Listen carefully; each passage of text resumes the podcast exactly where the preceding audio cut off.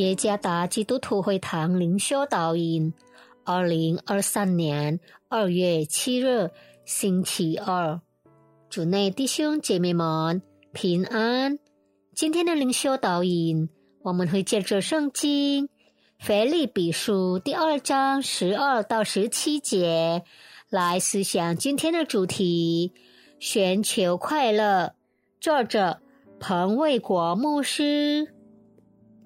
腓立比书第二章十二到十七节，这样看来，我亲爱的弟兄，你们即是常顺服的。不但我在你们那里，就是我如今不在你们那里，更是顺服的。就当恐惧战惊造成你们得救的功夫，因为你们立志行事。都是神在你们心里运行，为要成就他的美意。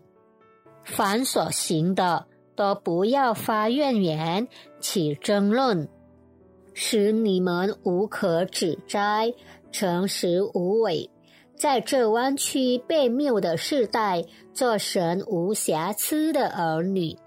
你们显在这世代中，好像明光照耀。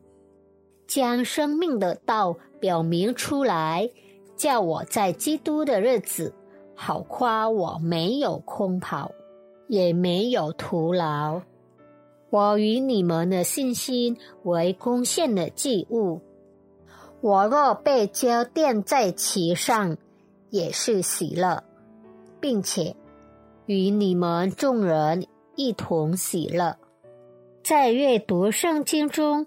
保罗的著作时，我们会发现使徒保罗受到耶稣的教导和生活方式启发的特征。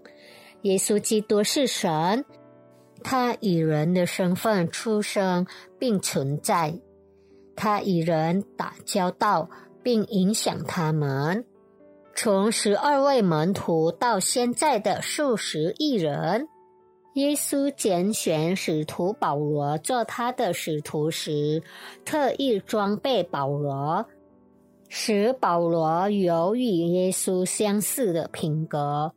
保罗总是尽力在他的生活中效法基督的品格和教导。例如，他教导信徒在生活中始终奋斗，包括寻求喜乐。保罗激励信徒要言行一致，过基督徒的生活，做成得救的功夫。因为神已在他们心中赐下意愿，要过言行一致的生活，不抱怨也不争吵，就能找到喜乐。这种态度导致基督徒生活的。质量产生良好的影响，不丢人，一尘不染，与世人的品格截然不同。因此，上帝的子民能过像天空中的星星一样闪耀。持守神话语的人会成为值得骄傲的人。这些努力和成就。让他们感到非常自豪、满足，并回报了保罗辅导他们的生活所做的一番努力。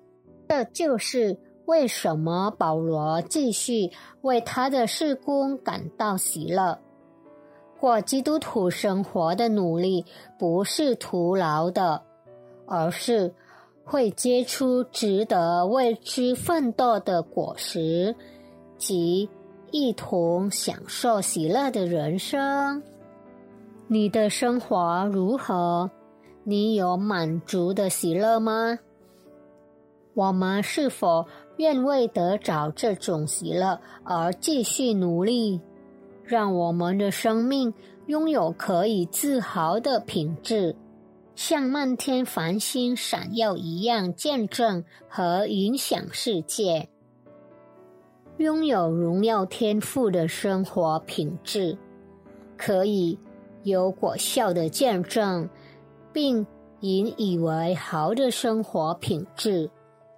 有水准的基督徒生活将产生影响力，像天上的星星一样。愿上帝赐福大家。